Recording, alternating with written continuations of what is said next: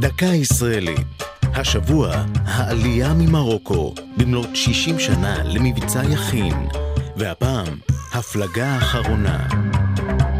ב-10 בינואר 1961 עשתה הספינה אגוז את דרכה האחרונה לחופי הארץ במהלך מבצע חשאי להעלאת יהודי מרוקו. באמצע שנות ה-50, כאשר הפכה מרוקו למדינה עצמאית, אסר מלכה מוחמד החמישי על יהודים לצאת ממנה. בעקבות זאת החל המוסד בארגון מבצעים חשאיים להעלאת יהודי מרוקו ארצה. בתום ארבע שנים שבהן התבצעה ההעפלה בספינות קטנות, הוחלט לייעל את התהליך, ונרכשה ספינה שתתאים לקבוצת עולים גדולה יותר. 13 פעם עשתה הספינה את דרכה ממרוקו לגיברלטר שבדרום ספרד בהצלחה.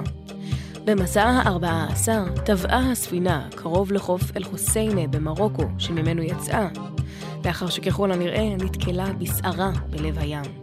בספינה היו 47 נוסעים, עולים יהודים ממרוקו, נציג המוסד ואנשי צוות ספרדים. 45 מהם נספו. לאחר טביעתה הוענק לספינה השם העברי אגוז.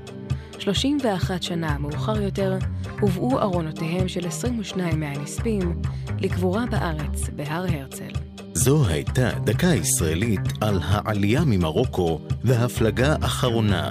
כתבה שירה אל-עמי, ייעוץ הדוקטור יגאל בן נון, מפיקה אור זועי סולומוני.